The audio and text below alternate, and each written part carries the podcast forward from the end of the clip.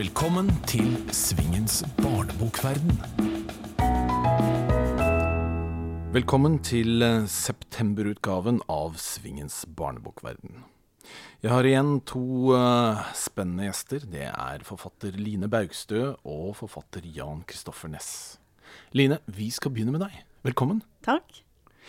Du debuterte som forfatter allerede i 1986. Ja. Men første barneboka di kom først i 2002. Hvorfor venta du så lenge? Jo, fordi at for meg så var det naturlig å begynne å skrive for voksne. Um, skrivinga har nok vært et resultat av lesing for meg.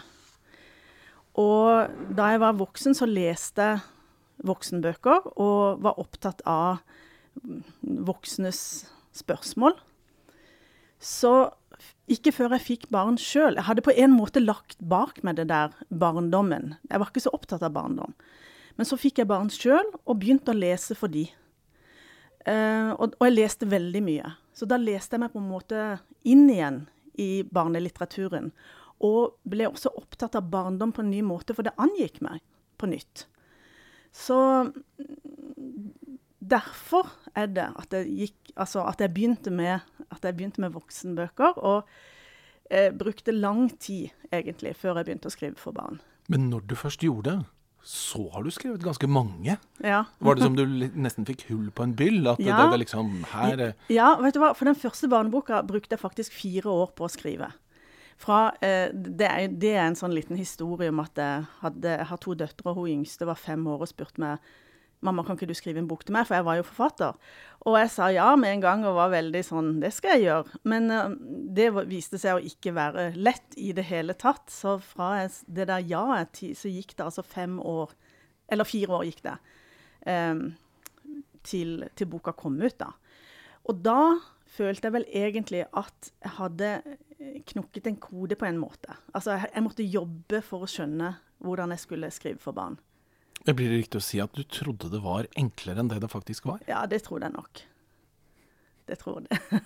Folk tror sikkert at det er lett å skrive for barn, men det er jo ikke det. Det er faktisk Absolutt ikke. Nei. Men du har i tillegg jobbet en del som uh, journalist. Mm. Det er en annen type skriving, men det er likevel skriving. Ja. Føler du at det har en innflytelse på det skjønnlitterære du driver med, på noen måte? Ja og nei. Eh, det er lenge siden jeg har jobba som journalist nå. Men jeg gjorde jo det eh, i starten. Jeg begynte som journalist. Og det er jo egentlig skriving jeg har levd av hele livet. Jeg har ikke hatt noen andre sånn ordentlige jobber enn det. Um, og jeg husker jo at når jeg var veldig mye journalist og ikke fullt så mye forfatter, at jeg tenkte at, at jeg var litt redd for at det, reporterspråk eller journalistspråk at det skulle få for stor innflytelse på hvordan jeg skrev skjønnlitteratur. Det husker jeg at jeg, at jeg var litt opptatt av å prøve å bryte. Og finne et annet språk som var litterært. Um, men i alt jeg har gjort, både som journalist og som forfatter, så handler det likevel veldig ofte om å fortelle historier. Så det er jo en rød tråd som har gått igjen i i, uansett hvem jeg skriver for, og hvordan jeg skriver, og hva slags medium jeg bruker. Ja, for jeg har også jobbet litt som journalist. Jeg tror at det som førte meg inn på det, var jo rett og slett eh, lysten og interessen for å kunne uttrykke meg skriftlig. Mm. Men det jeg da oppdaget, var at det var jo ikke denne type skriving jeg hadde lyst til å drive med. Mm.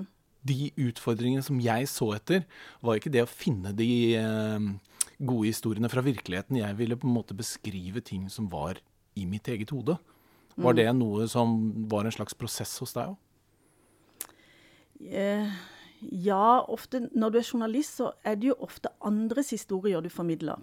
Ikke sant? Det er jo det Du møter mennesker som har noe å fortelle, eller som har opplevd noe som du, du setter ord på. Og, og, det er vel en slags trang, tror jeg, hos vi som eh, jobber som forfatter, at vi, vi har våre egne historier som vi har lyst til å formidle. da. Mm. Vi skal snakke om eh, to jenter.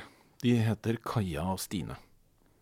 Jeg syns det er uh, noe spesielt interessant med disse bøkene. Og fordi jeg har eh, fulgt disse en del på norske utlandslister i bibliotekene. bibliotekene. Og det er helt åpenbart at disse bøkene har eh, truffet et eller annet. For de ligger, eh, og har ligget lenge eh, høyt. Den første, skal vi se, den kom hvilket år? 2008, kan det stemme? Ja, det er en som heter 'Huset i eplehagen'. Ja, 2007. Ja. Mm. Og Så disse bøkene må jo være store bestselgere, da. Ja, ikke noe sånn. Vi snakker ikke titusenvis. Det eh, eh, På forlaget så regnet de ut at eh, til sammen har de solgt, altså alle ni, da, og var det 40 000 eller noe rundt der, da. Men det er jo ikke Altså jeg, Nå husker jeg ikke akkurat tallet hva det var, men, men, eh, men da fordeler vi det på ni bøker, ikke sant. Så nei da, det er ikke Det er snakk om 4000 kanskje, eller noe sånt til sammen med ulike Ja. Men altså, når de likevel ligger der oppe sammen med gutta i trehuset og en del andre ting, så opplever vi vel noen ganger at det ikke er samsvar mellom det barna selv velger, og det som det kjøres ut store mengder av i norske bokhandlere. Ja, det er jo det er jo et lite mysterium for meg også, på en måte. Jeg skulle jo tro det at kanskje de skjønte at oi, dette er jo populært. Dette må vi liksom satse eh, massivt på, da. Men altså, å få foreldre til å kjøpe de bøkene, det er ikke like lett antageligvis som å eller jeg vet ikke. Jeg vet ikke hva som ligger bak. Nei, for Du har ikke noe teori om hvor på en måte skoen trykker. Er det da eh, det at ungene, veien for at ungene skal fortelle om det de faktisk velger på skolebiblioteket selv, til at foreldrene skal komme seg til bokhandelen og kjøpe akkurat de bøkene, er for lang? Eller er det det at faktisk bokhandelen og forlaget ikke kjører disse bøkene hardt nok ut i bokhandelen? Ja, det, det er vanskelig å vite. Jeg skulle ønske jeg skjønte hva, hva, som skulle til for å få en sånn mega-mega-bestselger. For jeg tror jo de fleste forfattere drømmer om å kunne bare håve inn. Og det har jo aldri skjedd. Men um, Nei. Det Du spør nå om noe som er om en prosess som jeg egentlig ikke helt uh, klarer helt å gjennomskue helt. For at du, jeg ser jo det at selv om en bok kan få veldig gode omtaler, f.eks. Um, så Altså, En bok kan få mye oppmerksomhet og gode omtaler. Og det betyr ikke nødvendigvis at den selger likevel. Og hvorfor ikke? Det vet jeg ikke. Um, og jeg går jo og ser i bokhandlerne etter bøkene mine, og så finner jeg de langt oppe ett eksemplar, kanskje helt øverst på ei hylle, ikke sant? for det heter BA Baugstø. Så, så står den høyt oppe, helt utilgjengelig for, for de fleste.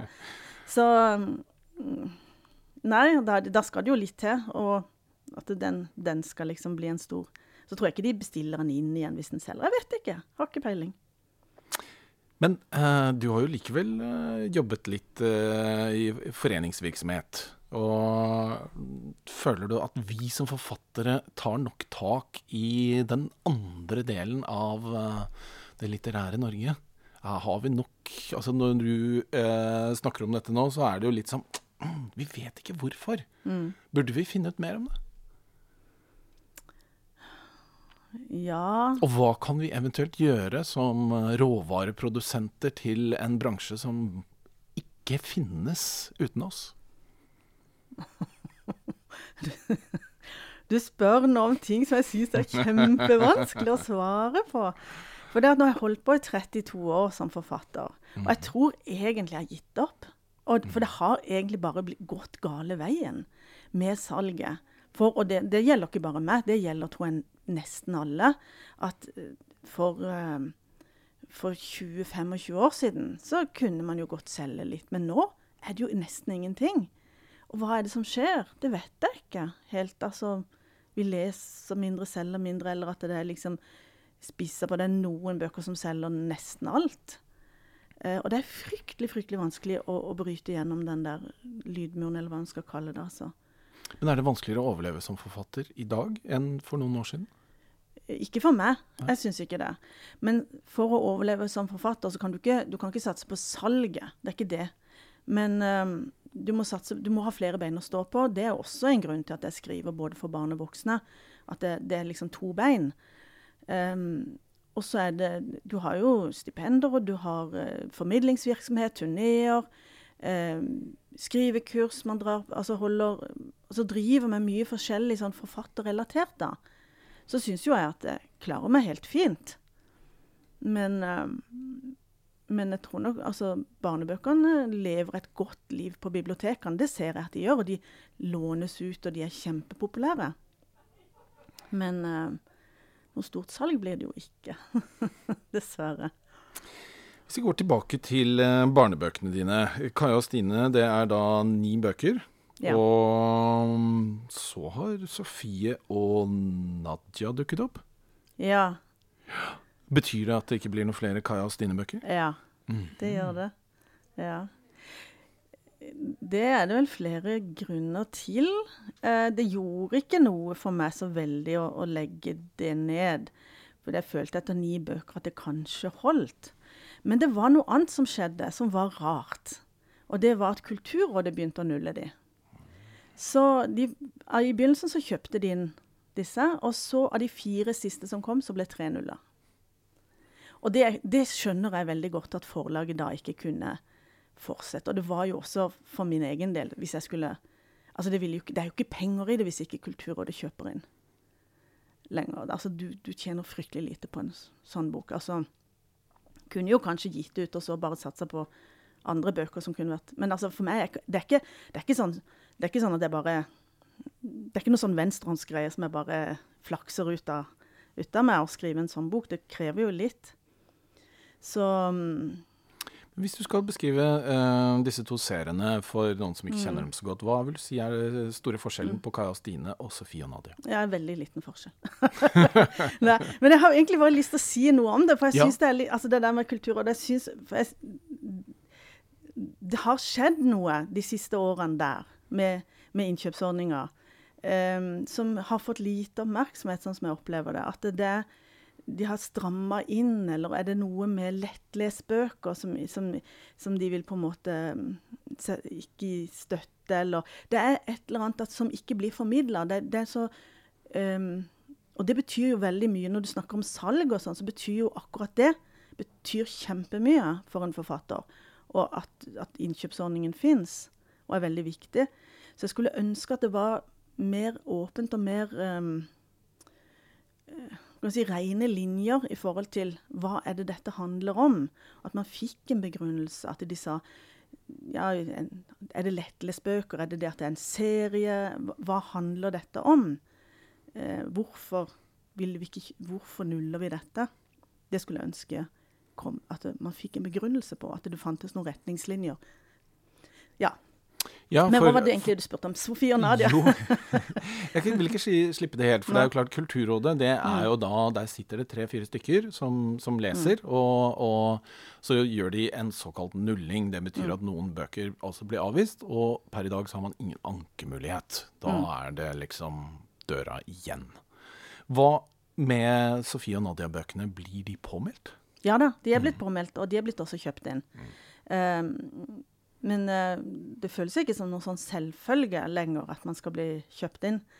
Det, det er ganske nervøs nå, kjenner jeg, på, på, det. Ikke på den siste boka, den, var, den følte jeg rimelig trygg på. Det, ikke, det, er ikke en Sofia Nadia-bok, men en helt annen bok, da. Men en roman som kom nå i vår. Men, men når du skriver bøker som er relativt lettleste, og, og også en del av en serie, da, så tenker jeg ja, har de tenkt å sette foten ned her også? Jeg vet mm. ikke.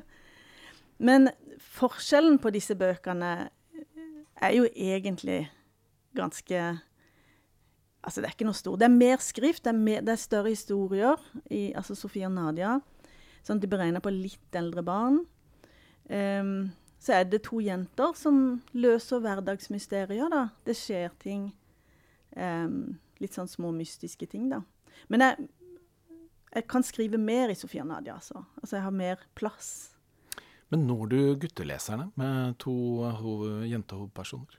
Ja, altså i hvert fall har jeg opplevd det når jeg er rundt på skoler, at gutter syns uh, I hvert fall Kaja og Stine uh, er kjempegøy. Så de har jo noen sine favoritter. og når jeg sier nå skal jeg lese 'Sjokoladetyvene', så yeah, sitter guttene og jubler og sånn. Så jeg opplever at det er ikke sånn at det, selv om du skriver om jenter, så, så bryr ikke guttene seg. Hvis, hvis de syns at historien er gøy, så kan den godt handle om jenter.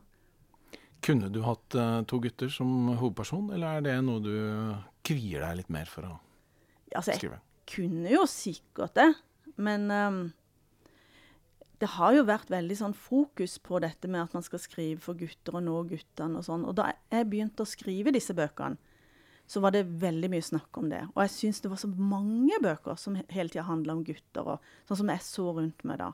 Så da tenkte jeg at nei, jenter også skal få lov til å ha bøker som handler om jenter, og at de kan være litt sånn helter og løse opp Altså fikse tingene, og det skjer ting, og så løser de mysterier og sånn. Um, så det var, en, det var, en, bevisst handling fra min side da når jeg begynte å skrive om Kaja Stine, at jeg skulle ha to jenter. Og, men at det også skulle være spennende historier som kunne nå alle barn. Vi skal snakke litt mer om kjønn. Vi skal uh, snakke om uh, 'Vi skulle vært løver', ja. som er uh, årets bok ja. fra deg. Ja. Kan du fortelle litt om hvor ideen til den boka kom fra? Ja, det, den ideen fikk jeg i fjor sommer. Det begynte med at jeg fikk et brev i postkassa mi. Sånn ekte gammeldags brev. Um, hvor da det sto en eh, avsenderadresse bakpå, som jeg stussa veldig på. For jeg kjente igjen etternavnet og kjente igjen adressen, og der bor min gamle venninne, barndomsvenninne. Men hvem i all verden var Alexandra, sto det. Altså Alexandra Det var ikke noen i den familien som het det, sånn vidt jeg visste.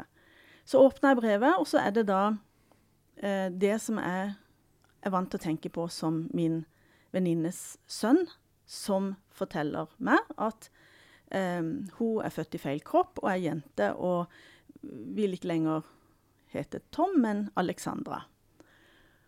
Og dette gjorde et veldig sterkt inntrykk på meg. Hun, hun var da 18 år da, fikk, da, hun skrev dette brevet, og sendte dette rundt til liksom, venner av familien for å, må, for å liksom komme ut, og for at alle skulle få vite om dette. da. Og så hadde dette altså, det, Jeg syns det var modig, jeg syns det var ganske tøft gjort. Og jeg ble veldig full av, full av sånn Rett og slett en godhet og respekt for dette mennesket. Og tenkte Den kampen hun har vært gjennom Hun skrev litt om det også, da. Og så hadde eh, ligge, Jeg hadde brevene liggende fremme. Vi var på en hyttetur med mammaen pluss noen venninner, flere venninner. Og vi snakka om dette, og da var det mange som sa 'han' hele tida. Og så gikk mammaen da og retta og sa 'jeg må huske at det er hun'. Det er jentene nå. ikke sant? Og da tenkte jeg også på dette hva som kreves av omgivelsene når en sånn ting skjer. At vi må på en måte ommøblere hodene våre litt. For dette med kjønn er jo en veldig sterk del av identiteten vår. og den jobben som kreves av oss, kan, er ikke nødvendigvis enkel, men det er nødvendig at vi tar og, og, og gjør det og omstiller oss og begynner å tenke annerledes om da, dette mennesket som vi Og så Det var bare et par uker eller noe sånt etter at jeg fikk det brevet, så satte jeg meg ned og skulle egentlig tenkte nå skal jeg bruke som, nå skal jeg skrive en ny Sofie, eh, Sofia Nadia-bok. Det var det jeg hadde tenkt å gjøre. Men jeg hadde ikke noe god idé. Og så bare datt ideen til denne her ned i meg. Og det kom sånn bang liksom ned i hodet mitt. Og så tenkte jeg OK, jeg har ikke tid. Jeg har ikke tid. Jeg skal dessuten skrive en roman for voksne også, som jeg holdt på med. Så jeg måtte bare liksom åh, Nei, men eh, hvis jeg skriver ned et synopsis, og så tar jeg det etter nyttår, da har jeg sikkert bedre tid. Da kan jeg gjøre det. Begynte jeg å skrive, og så før jeg visste ordet, hadde jeg skrevet fem sider. Jeg hadde jo ikke skrevet synopsis, jeg hadde bare begynt. Og, og, så skjønte jeg at denne her boka kan du faktisk ikke vente med. Du må skrive den nå. Dette haster. Så jeg bare, da la jeg alt annet til side, og så begynte jeg da i fjor sommer på det, å skrive. Og så trodde jeg jo da at jeg, at jeg skulle Jeg hadde ideen klar for meg, og det er den boka jeg har skrevet. Men det viste seg å være litt vanskeligere å skrive enn jeg hadde tenkt. Men jeg, jeg så for meg ja, jeg banker lett ned den historien her på to sommermåneder, tenker jeg. Det går greit. Nå tar jeg en arbeidssommer, og så har vi skrevet en ny bok som en forfatterkollega med tørt bemerka når jeg fortalte, sa det der. Ja, famous last words, liksom. det var, gikk jo ikke sånn. Det var ikke så lett å skrive boka. Det er ikke ofte i denne podkasten at vi henviser til eh, kritikker, men jeg har likevel lyst til å ta fram én linje om denne boka som eh, sto i Dagbladet. Og der sto det at denne burde leses av voksne. Det er en setning som jeg syns dukker opp egentlig stadig oftere om en del barne- og ungdomsbøker. Men blir de det? Altså, foreløpig hittil for meg er det voksne som jeg har fått, som har lest denne boka, uh, og som har gitt meg tilbakemelding. Jeg har ikke egentlig hørt så veldig mye fra barna ennå. Men voksne er jo veldig opptatt av denne boka her. Så, så for, i hvert fall foreløpig for meg virker det sånn. Men jeg tror ikke voksne leser all slags barnebøker. Det tror jeg ikke de gjør. De burde sikkert lese mer, men uh, Men det jeg føler at de på en måte sier, er at kanskje den burde kommet ut som voksenroman. Ja, denne burde ikke det. Dette er en barneroman. Mm. Så det, det, er ikke det jeg føler at de, de, sier med dette. Det er bare det at de leser en barneroman som, som de faktisk liker. Ja, som, absolutt. Det var en veldig, berørt, veldig liksom. god kritikk. Det må, mm. jo tilsi, mm. må vi jo legge til. Men um, når du skriver en sånn historie, tar du uh, veldig mye hensyn språklig sett, eller uh, historiemessig? For hva er det du tenker er uh, aldersgruppa for denne? Sånn tida oppover. Tida oppover. Ja, det er ja. det jeg har tenkt. Mm. Det handler om tolvåringer. Mm. Så jeg håper jo at at den også kan leses av liksom 13-14-15-åringer. Og voksne. Altså For meg er det ikke noe sånn grense oppover, da. Ja, jeg må jo ta hensyn språklig. Det, må, altså det fikk jeg jo veldig mye tilbakemelding på. For det var en veldig lang prosess at språket var litt voksent, og jeg måtte liksom tenke på det hele veien. Så, så det har jeg jobba ganske mye med. Å, å skrive For jeg har jo egentlig ikke skrevet for den gruppa før. Jeg har skrevet veldig enkle lettlesbøker. Og så har jeg skrevet litt sånn høytlesningsbøker eh, for barn. Altså, jeg har aldri skrevet liksom noe som skulle nå denne gruppa før. Så jeg måtte jobbe litt med det og tenke på det. Men handlingsmessig så tok jeg ikke så mye hensyn. Mm. Har du et stort idélager? Er du en Nei. forfatter forfatter? Nei, dessverre. Det går fra bok til bok? ja, det gjør mye det, altså. Mm. Ja. Det hender jo selvfølgelig jeg får ideer og tenker at det, det, kan kanskje bli en bok, og så hender det at det kanskje blir det. Men egentlig så har ikke jeg noe sånn Det er mer litt sånn at de ideene jeg har, de blir det bøker av. jeg har ikke noe sånn som jeg bare øser av. Altså. Hvis jeg først har en god idé, så tviholder jeg på den. Mm. Hvis du skulle forbedret én ting i det litterære Norge, hvis du kunne gjort det, hva ville det vært? Oi Én time Oi. Jeg skulle jo ønske det vi snakka om i starten av dette her, dette med salgsledd Jeg skulle jo ønske at det var litt mer sånn um, enkelt å nå igjennom. At, uh, at, at, ikke det lå stabler med bestselgere som, som, du måtte liksom klatre over før du kom inn til, til alle de andre bøkene, liksom. At det fantes bokhandlere som bare el, altså Alle bokhandlere elska norske forfattere og fulgte godt med og pusha ut bøkene våre. Og, og var liksom sånn ekte litteraturelskere. Det, det, skulle jeg ønske. Det, for jeg tenker jo at det, på forlagene sitter det veldig mange mennesker som elsker litteratur. Men, og no, i bokhandleren er det noen. Det fins absolutt noen. Men jeg tror ikke det er alle. altså. Jeg tror, egentlig så tror jeg det er en slags ah, de, det, har følelsen at de kunne ha solgt hva som helst. altså. At det er ikke så farlig. Det kommer ut mange bøker i Norge. Men eh, når du nå har skrevet om det å skifte kjønn i eh, eh, 'Vi skulle vært løver', så skriver du jo om noe som jeg kan aldri huske jeg har lest så mye om akkurat det temaet som jeg har gjort akkurat i år. Ja. Det er eh, debattartikler, ja. det er ting på TV, det er eh, reportasjer. Det er veldig, veldig mye om det. Ja. Er det da enklere å eh, komme gjennom med en bok som omhandler et så tematisk aktuelt tema? Ja, det tror jeg helt klart. For jeg har fått anmeldelser både i Aftenposten og Dagbladet, liksom. Og det, tror, det, er ikke sånn vanlig kost for en barnebok å få. Store, fine oppslag der. Så, så, jeg tror nok at tematikken har bidratt til å løfte fram denne boka. Og at flere, ganske mange er interessert i den. Jeg merker jo en interesse for det. Og det er jo Jeg ante jo ikke at det skulle være så aktuelt da jeg begynte i fjor. Det var jo litt aktuelt da også, men, men jeg skjønte ikke helt altså Jeg så ikke dette komme, den debatten som har vært i sommer, f.eks. Kunne jo ikke jeg ane noe om. Så jeg tror nok det at det, det bidrar, ja. Mm. Men du har jo helt rett. Det er jo liksom eksplodert fullstendig. Og det er jo en veldig rar debatt, egentlig. Veldig sånn jeg også, Det jeg også skjønt, som jeg ikke ante da jeg skrev, var jo at jeg stakk hånda inn i et vepsebol her. Det visste ikke jeg. Så jeg skrev bare i vei historien min sånn som jeg hadde lyst til å fortelle den. Um, og så skjønner jeg jo i ettertid, jeg er veldig glad jeg ikke skjønte det mens jeg skrev, at, at alle, veldig mange er veldig uenige her. Altså Det er så mange fløyer. Og de ulike tilnærminger, ulikt språk, ulike måter å se dette på.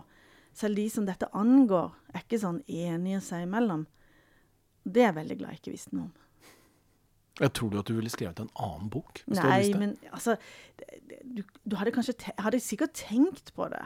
Man tenker jo litt sånn Jeg har jo ikke lyst til å såre noen og skrive noe som helst. Så jeg får jo sånn tilbake Ja, dette var veldig bra, men Og så er det et eller annet ord jeg har brukt feil, eller noen begreper, ikke sant. Jeg skulle ønske at det ikke hadde vært med. Og sånn, sånn. Kanskje jeg hadde tatt hensyn til sånne småting, og det er jeg glad jeg egentlig ikke bare ikke visste om og tenkte på. Line, jeg har uh, bedt deg om en liten anekdot. Vi er jo historiefortellere, og vi lever jo et rikt og spennende forfatterliv. Mm. Så ordet er ditt. Ja. det jeg har tenkt å fortelle, er en historie som er ganske personlig og litt rar. Og eh, den handler om da jeg skulle debutere som forfatter. Som du sa, det var i 1986 min første bok kom ut. og Den heter 'Reise i gult lys' og handler om å reise i Sør-Amerika. Og jeg reiste i Sør-Amerika i ett år, i 83-84. Og begynte sånn sett litt å skrive underveis, men jeg visste jo ikke helt. Altså, jeg hadde en drøm om å bli forfatter, det var det jeg ville. Og så er det det Det er nesten litt flaut å fortelle den historien, merker jeg nå, men jeg skal gjøre det. Jeg har bestemt meg for det. En marsdag i 1984 sitter jeg på et hotellrom i Brasil, og så detter det en dato ned i hodet på meg. 3.9.1986. Det kommer fra ingen steder. Og så sier jeg det til han som jeg reiste sammen med, at uh, Oi, jeg tror det kommer til å skje noe den datoen, liksom. Så sier han at du, skriv det opp i boka di, notisboka di, og så, så, får du se, da. Så gjorde jeg det. Skrev Jeg skrev 3.9.1986. Hva skjer da? Og jeg husker på det, for jeg, altså jeg glemte det ikke. Det sto jo der.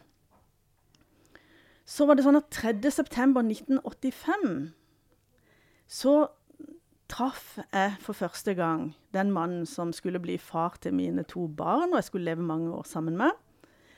Og jeg var helt sikker på at jeg hadde truffet mannen i mitt liv og snakka med venninner og var helt sånn derre Å, tror du ikke bare jeg tok feil av årstallet? Var helt der. Så sier hun ja, det tror jeg egentlig ikke. Jeg tror, du må vente et år og se. Så i mellomtida så har jeg skrevet ferdig et manus, sendt inn til Gyldendal. Um, det går mange måneder, men utpå vinteren da så, så, får jeg en telefon fra Andreas Skartveit, som var liksom toppsjefen den gangen, om at du er altså Det var en konkurranse, dette, for Norges skrivende kvinner. Og du er en av fem prisvinnere, og det er pressekonferanse og sånn. Men bøkene skal ikke komme ut nå, de kommer ut til høsten. Og så sommeren så mm, ringer jeg til redaktøren, da. Eh, visste jo at boka skulle komme ut. Så jeg, når, når kommer han, da? så sitter han og blar i papirene sine, og så sier han Nja, skal vi se her. Jo, 3. september. Så 3. september 1986, da har den datoen, da debuterte jeg. Og dette er en sann historie. Jeg tror ikke den historien betyr noe utover seg selv, altså. Men, men uh, det var rart. Det er ikke sånn at det har skjedd noe 3.9. hvert år siden Nei, også? Men jeg legger alltid merke til det når det er den datoen. Så tenker jeg hm, dette er liksom en sånn spesiell dato. Mm. Da skal vi få inn uh, den andre uh, gjesten i uh, dagens program. Det er forfatter Jan Kristoffer Næss. Velkommen, Jan. Hei, takk. Vi skal ta og snakke litt med dere begge to. Fordi dere har jo da det felles at dere begge debuterte med voksenromaner. Mens du, Jan, du brukte bare to år, du, før du var i gang med barne- og ungdomsbøkene. Hvorfor eh, var, det, var, du så mye kjappere? Ja, nei, det Jeg holdt på å si jeg er mye kjappere enn Line, men det, det, vet jeg jo ikke om jeg er. Og det tviler jeg sterkt på etter å ha sittet og hørt på henne i 20 minutter nå. Men uh, nei, det var vel bare det at um, At jeg hadde jo barn da jeg debuterte. Så jeg var jo allerede klar for å skrive for et publikum jeg hadde i huset. Um, og Line sa jo også det at uh, skrivingen hennes var i uh, veldig stor grad et resultat av lesing. Uh, og det er jo riktig for mitt vedkommende også. Um, men jeg leste jo enormt mye som barn, og det sitter veldig i meg fortsatt. Det jeg leste, Mye av det jeg leste den gangen. Sånn at jeg har liksom hatt det med meg hele tiden. Så det, det føltes nokså naturlig å fortsette å skrive i uh, det landskapet også, da. Mm. Kan dere si noe om uh, forskjell i skriveprosess mellom det å skrive for voksne og det å skrive for barn? Uh, det er jo kjempeskummelt, da, for det er veldig lett å si at uh, man må gjøre ting mye enklere når man skriver for barn. Uh, og på en måte så må man jo det. Man må jo tilpasse språket litt til målgruppen. Uh, noen mener også at det er enkelte temaer man bør ligge unna når man skriver for barn. Det er jeg uenig i, akkurat det. Men, men, i hvert fall at man må ta hensyn til uh, si refleksjonsnivå og modnings... Uh, altså den språklige modenheten hos mm. målgruppen på en helt annen måte. Når man skriver for voksne, så skriver man jo for seg selv, egentlig. Ja, ja. og det er noe annet. Ja. Du, jeg, jeg kan ikke Altså, Jeg syns det virker veldig rart å skulle skrive for barn uten å ha det i tankene at du skriver for noen som på en måte har et annet intellektuelt nivå enn deg selv. Du må ha det i tankene. Og det betyr egentlig at du må skjerpe deg. Altså, det betyr at du altså Det er ikke som jeg var inne på i sted også, det er ikke enklere å gjøre det.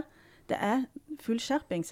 I hele vinter har jeg jobba med to bøker parallelt. En, denne her barneboka 'Vi skulle vært løver', pluss en roman for voksne.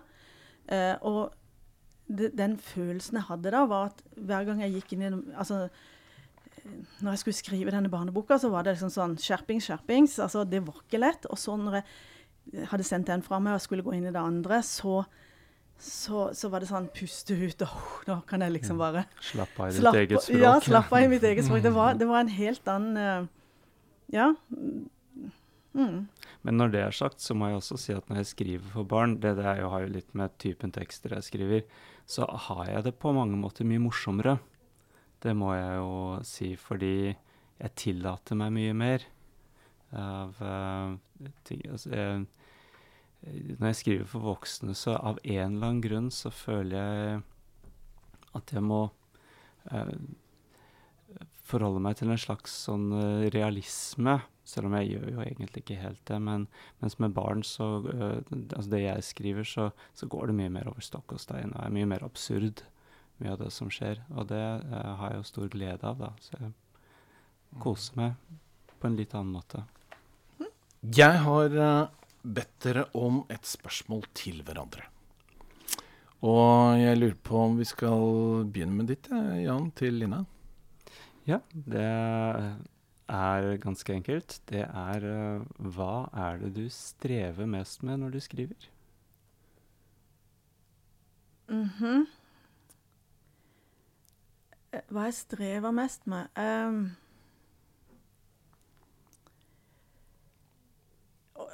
Jeg syns det er veldig vanskelig å finne gode bilder. Altså, det syns jeg Det ligger ikke for meg. Og jeg har så lyst til å ha noen gode bilder. Og styre unna klisjeene. Jeg tror jeg mm. jobber mye med å prøve å finne språk som styrer unna klisjeene. Det er jo veldig enkelt, språket mitt. Eh, både for voksne og barn. Men eh, altså, jeg jobber mye med språk. Jeg gjør det, altså. Ja. Sånn, Selv om det er enkelt, så, så er det ikke gjort av seg sjøl. Men du vil ha noen sånne metaforer som litt, sitter, ja, liksom? for jeg syns de Ja. det er så kult når jeg leser det hos andre. Så jeg har lyst til å ha noen sånne som Ja. sitter og som sånn, ja, Jeg syns jo ikke det er lett å få til. Syns ikke det, altså. Ja, ja, men det er bra. Skal vi ta ditt spørsmål til Jan? Ja. meg og Jan vi kjenner jo hverandre fra Norsk Forfattersentrum, hvor vi har sittet i styret begge to. Og vi har, når vi har snakka om det, så har vi ofte egentlig klappa oss sjøl litt på skuldrene. litt sånn, Vi fikk til en del ting der, og vi var litt stolte, og det syns jeg vi har all grunn til å være også. Så hadde jeg lyst til å spørre deg hva du er mest stolt av å ha fått til i det hele tatt som forfatter? Altså alt, Å ja. Alt Det er egentlig på det motsatte av det jeg spurte deg om. Ja. Da. Ja. Når alt du har fått til, alt du har gjort. Uh, nei, det jeg er mest stolt av å ha fått til som forfatter, det er uh, det, det, det, det er ikke lett å svare på, nei. Fordi det jeg kanskje er mest stolt av, det har at jeg har klart å etablere å, å lage meg et liv som er sentrert rundt tekst. Det er kanskje det jeg er mest stolt av alt i alt. At jeg klarer å ikke måtte være på jobb klokka åtte om morgenen, men at jeg har, har den der friheten som skrivingen gir meg til å disponere livet mitt mer eller mindre sånn som jeg vil. Um, det syns jeg er en vanvittig luksus. Og det, selv om jeg kan være enig i masse av det man sier om um, altså, uh, bok, altså den litterære situasjonen i Norge med, med salg og kulturpolitikk, og at det er mye som er elendig, så er det likevel sånn at vi, vi som er i stand til det, har, eh, vi har et, privilegert liv. Og, og det setter jeg pris på hver eneste dag. Det er det jeg er mest stolt av, faktisk. Mm. Ja, for du tenker jo at vi er jo privilegerte som faktisk får bøker Mm. ikke bare utgitt, men Mm. også blir lest av Ja. så mange. Ja. Det kjenner jeg også på. At jeg, at jeg er heldig, og at jeg har fått det livet jeg egentlig ønska meg, med at, å, å leve som forfatter. Mm. At, det, at det går jo an i dette landet å gjøre det. Og, og det å komme rundt og møte masse lesere sånn på turneer og når, sånn på skoler og Ja, det er gøy. Ja. Mm. Og de sitter der, og de, de har et forhold til det du har skrevet. Og eh, det er jo strålende. Men tror du at hvis vi da ikke hadde fått til dette, tror du, hadde du vært journalist i dag, Line? Hadde du vært lærer i dag, Jan? Det er godt mulig at jeg hadde sittet på et lærerværelse og gremmet meg uh, i dag. Ja. Mm. Ja, jeg hadde nok endt opp som journalist, ja. Mm. Det vil jeg tro. Mm. Line, tusen takk for at du kom. Mm, takk for meg. Nå skal vi rett og slett uh, konsentrere oss om deg og dine bøker, Jan. Herlig. Og du nevnte jo en ting, at du hadde jo allerede barn, så du kunne begynne å skrive barnebøker. Ja. Uh, det du ikke nevnte, er at du har fem av dem, ja, minst. som du vet om. Hvor uh, mye har det hatt å si for eh, at du skriver eh, barne- og ungdomsbøker i dag? Det har hatt veldig mye å si. Um, for det første så er det jo sånn at eh, hver gang jeg skriver en barnebok, så er den dedikert til ett barn. Gjerne et barn jeg har lagd selv. Eh, så det gjør at eh, jeg har Og da når jeg skriver, så har jeg det barnet i hodet mitt mens jeg skriver. Eh, jeg jeg, jeg, jeg syns det er veldig morsomt å kunne gi barna mine en uh, tekst som forhåpentligvis kan gi dem noe av den uh, lesergleden som leseropplevelsen som jeg hadde som barn selv. Eh, og så syns jeg det er hyggelig å tenke på at jeg setter igjen et, på en måte et spor, så når jeg er borte og død og begravet, så kan mine barn vise sine barn eh, den boka som bestefar skrev til dem, og så er jeg ikke fullstendig glemt. Så det, sånn sett så syns jeg det er eh, eh, fint å, å tenke på at mine barn er en del av, eh, av eh, tankeprosessen og arbeidet rundt skrivingen av barnebøker. Eh, men ellers så har jeg jo da, akkurat som Line og veldig mange andre forfattere, vært mye ute og turnert og truffet uh, lesere land og strand rundt. Og det syns jeg er kanskje vel så inspirerende og morsomt å se at barn jeg ikke ante eksisterte, også leser de tingene jeg har skrevet. Og da blir jeg takknemlig og stolt når jeg opplever det. Vi er jo mange forfattere som jobber og jobber og jobber med tittelen på, på, bøkene våre. Mm. Og der har du på en måte delt ditt barne- og ungdomsbokforfatterskap mellom Jeg tror jeg knapt nok vet noen som har så mange titler som er så konkrete som du, du har. Du har titler som Syden, Karneval, Hevn. Uh, ja, og så, så, begynner det å bli litt uh, så, så, er det plutselig litt sånn spenstig med både skumle meloner og Puddingmannen og De tre søstrene, som alle het noe på B. Ja, men der kan du se. Det er et kjempespenn. Ja. Uh, jeg var en eller annen anmelder som omtalte meg som en litterær kameleon en gang. Jeg, jeg, er ikke helt sikker på om jeg skulle ta det som Jeg tok det som et kompliment. Jeg, jeg tror det er ganske stor forskjell. Altså, jeg skriver uh, tekster som er ganske forskjellige fra hverandre. Uh, og det gjenspeiles kanskje også litt i titlene. At de kan være ganske ulike typer titler, da. Mm. Men det med de konkrete titlene, det um, Jeg har jo alltid hatt litt sans for sånne Litt sånne titler som ser ut som de er på en måte meislet i sten. Uh, og men det er da Syden, uh, svømmehallen, Hokus pokus og bursdag og karneval. De er jo i samme serie. Vi snakker leseløver, leseløver Ja. Mm.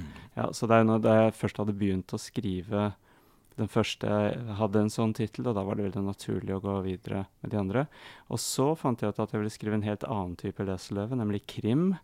Uh, på 20 setninger. Og da ble det litt annen type titler. Da ble det uh, 'Fløtemysteriet' og 'Skumle meloner'.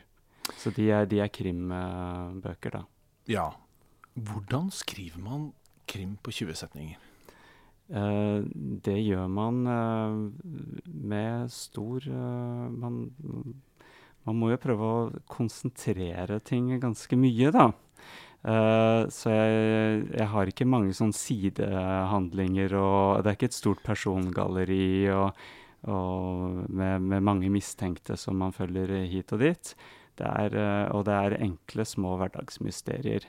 Så uh, Nei, det, det, er en kunst. Da jeg skulle begynne å skrive leseløver, jeg ble invitert til å Altså, jeg ble oppfordret til å prøve å skrive uh, løv, Løveunge-bøker uh, av, av, en tidligere redaktør jeg hadde.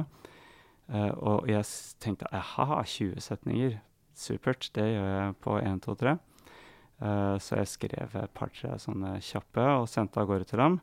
Og den tilbakemeldingen var jo ikke særlig positiv. Og det viste seg at det er faktisk eh, Man må jobbe litt for å komme ned i det. Altså, å kunne formidle en god historie på 20 setninger, det er ikke lett. Så jeg måtte jobbe meg inn i den formen. Men da jeg først hadde den inne, så syns jeg at den, da, da sitter den, den mye lettere nå. Så jeg burde egentlig bare fortsette med det. Jo, på disse bøkene så samarbeider du med den uh, anerkjente danske illustratøren Camilla Slotsinska. Yeah. Mm. Og hvor mye overlater du da til illustratøren i disse historiene? Alt. Alt.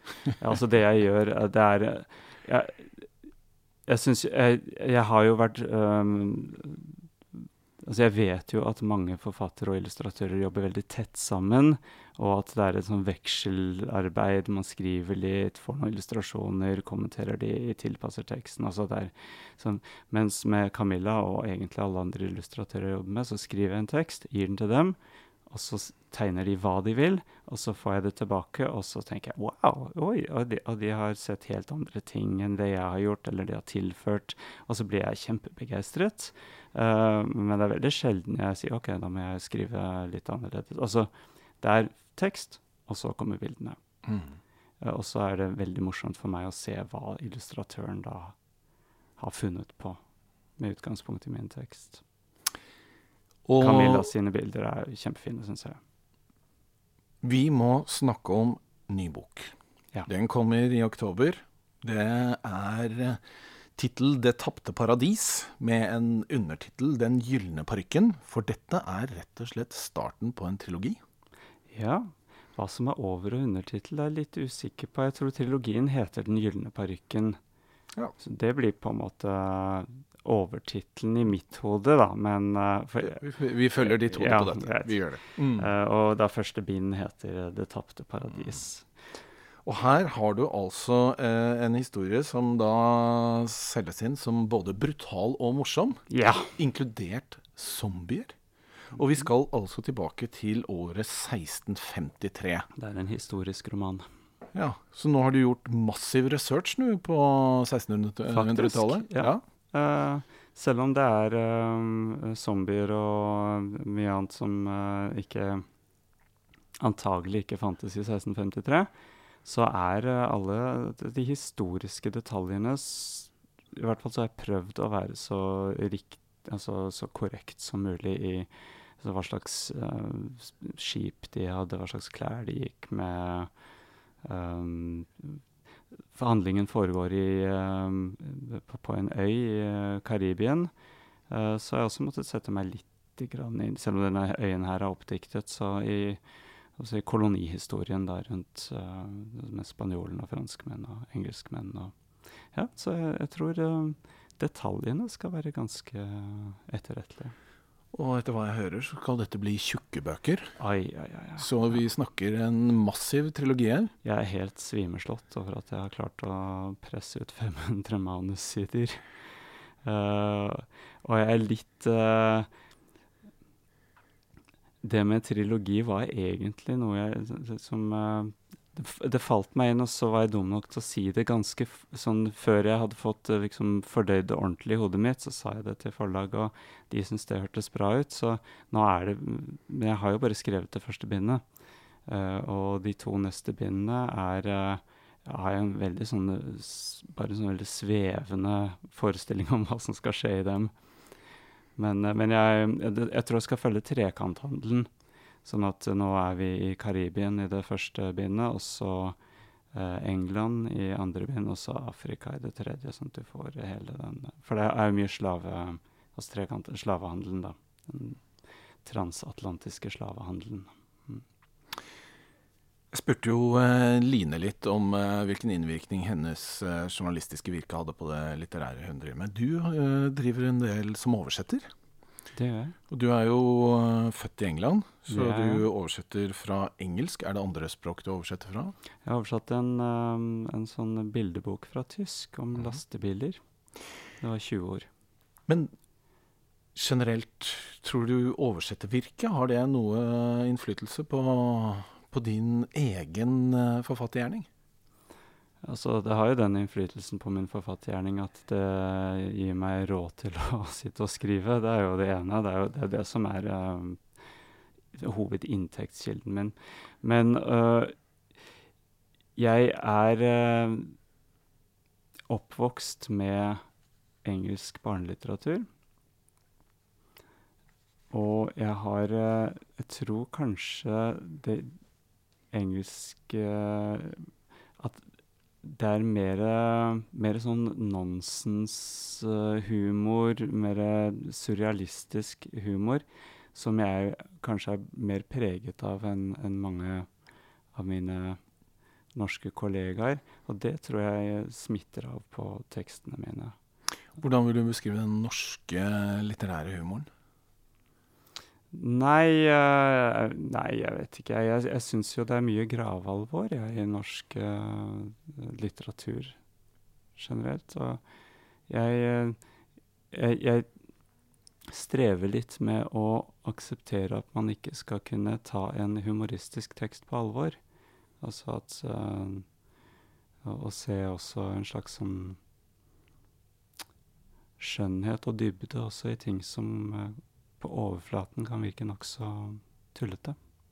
Blir det riktig å si at uh, denne trilogien som du nå holder på med, er en slags Den vil ha en stor andel humor. Det er mye for leseren å le av der. Samtidig som de da får en innføring i slavehandel på 1600-tallet, og de får uh, en del action, vil jeg tro. Særlig De kanskje får en del action, de får en del kjærlighet, Ja. de får en del sånn pubertetsproblematikk. De får, altså, det er er jo en godtepose uten like. Du er ikke redd for at du har Mm. puttet inn for mye nå? Nei da.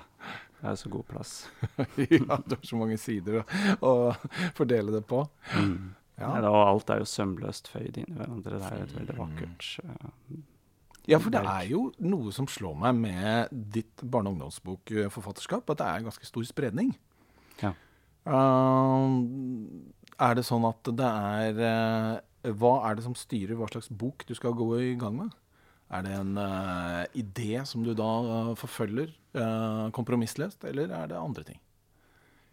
Det er lite grann det at, eh, som jeg nevnte i stad, at jeg skriver for et bestemt barn. Og f.eks. med alle mine fem-seks barn, så har jeg jo eh, Jeg begynte jo med den eldste, og så har jeg jobbet meg nedover. Og da eh, prøver jeg alltid å skrive en tekst som jeg tror det barnet er interessert i å lese. Um, men så er det det som eh, sikkert de aller fleste forfattere kjenner seg igjen i, at, at det man setter seg ned og tenker at man skal skrive, eh, som regel er ganske annerledes enn det man ender opp med å ha skrevet når man er ferdig. Eh, sånn at eh, eh, denne boken her, da, den er jo skrevet til stesønnen min, uh, Philip. Og, og han ville vel i utgangspunktet ha en bok om fotball, tror jeg. Um, det får han ikke. Han får, får slaver og Han får slaver og zombier Mm. i stedet. Jeg lurer på en annen ting. Ja. Hvor mange ville dyr fins det egentlig i byen? Hauvis. Ja, Ja. for Han, du skriver jo eh, sakprosa også for barn. Jeg skriver sakprosa. Jeg har skrevet om ville dyr i byen. Og det uh, gjorde jeg med utgangs... Altså det startet egentlig med at jeg fulgte da denne stesønnen min Philip uh, til skolen en dag. Vi bor på Sagene. Og så, eh, da vi kom ned til uh, elven, så var det Så så vi en politimann som var i ferd med å skyte et rådyr. Som hadde blitt, det hadde blitt påkjørt og var skadet, så han skjøt rådyret. Han, han skjøt det faktisk rett før vi kom så det, da, så vi hørte et smell. Og så kom vi rundt, og så lå Roddy der.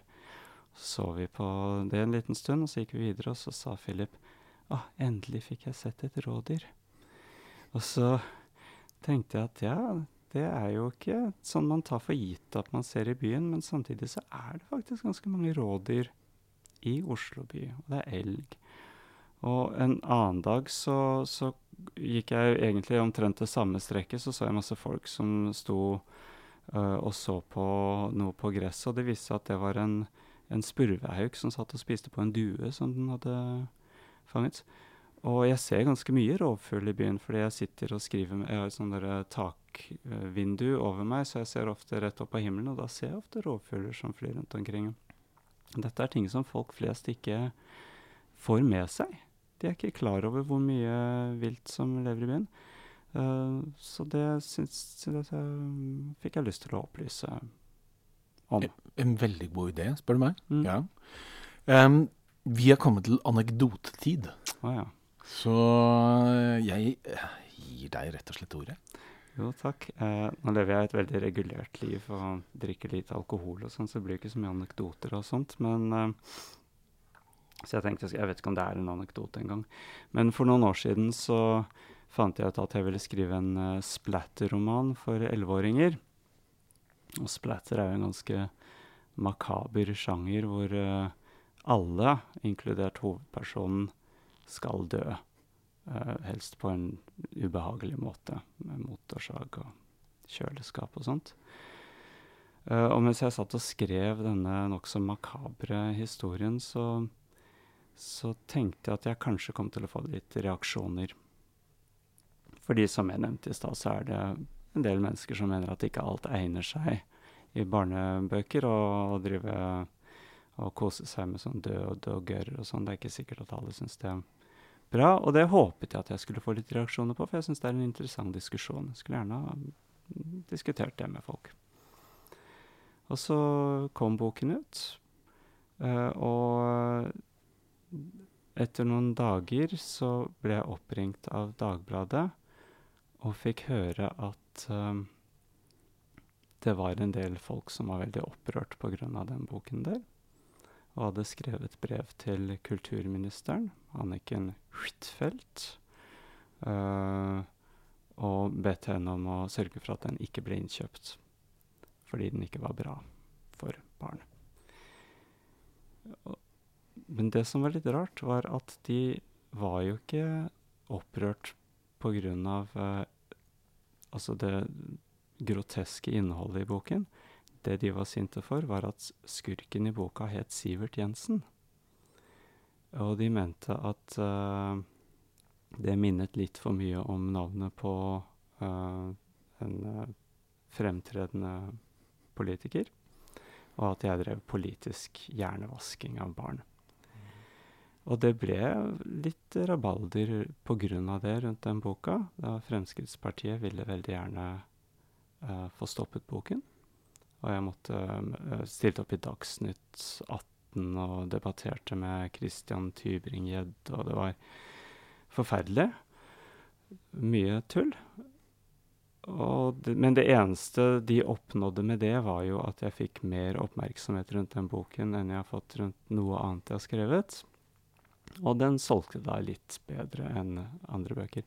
Så nå har jeg bestemt meg for at fra nå av skal jeg aldri skrive en sånn kapittelbok for barn med skurkeri, uten at skurken heter noe som minner om en eller annen Fremskrittspartipolitiker. Og det Men, har jeg gjort i årets bok. Aha. Og du Kan du nevne navnet på skurken? Han heter Tybring Torsk. Mm, ja, da, da, kan vi selvfølgelig gjette, da. da, da ja, ja, jeg sier vi, ikke. Vi, vi, mm. Men eh, du har jo gjort veldig mye reklame for denne andre boka nå. Og det er vel den som heter 'Theodor Sterk'? Ja, det heter den. Og den fikk jo en uh, undertittel også. 'En trist og blodig fortelling'. Ja, og det er det jo. Så du har advart leseren allerede der. Ja. Mm. Men den er jo eh, det er litt morsomt, da, fordi den er, slutter jo med at Theodor Sterk eh, altså han savner moren sin eh, fordi hun er på Cuba og han er i Norge. Et, altså, den, den, slutter med at han faller ut av et fly og detter i hodet på moren sin. Eh, og så er siste setningen 'endelig traff han moren sin' uh, igjen. Og da var det noen barn som Eller et barn som, som hadde skrev på en e-post at Men det var fint at det var en happy ending, i hvert fall. Det tenkte jeg det, OK. Mm. Da, de, de, skjermer seg selv, de barna. Mm. mm. Jan, tusen takk for at du kom. Takk skal du ha. Da er uh, Svingens barnebokverden over for denne gang. Men fortvil ikke, vi er tilbake om én måned. Du har hørt på Svingens barnebokverden med Arne Svingen.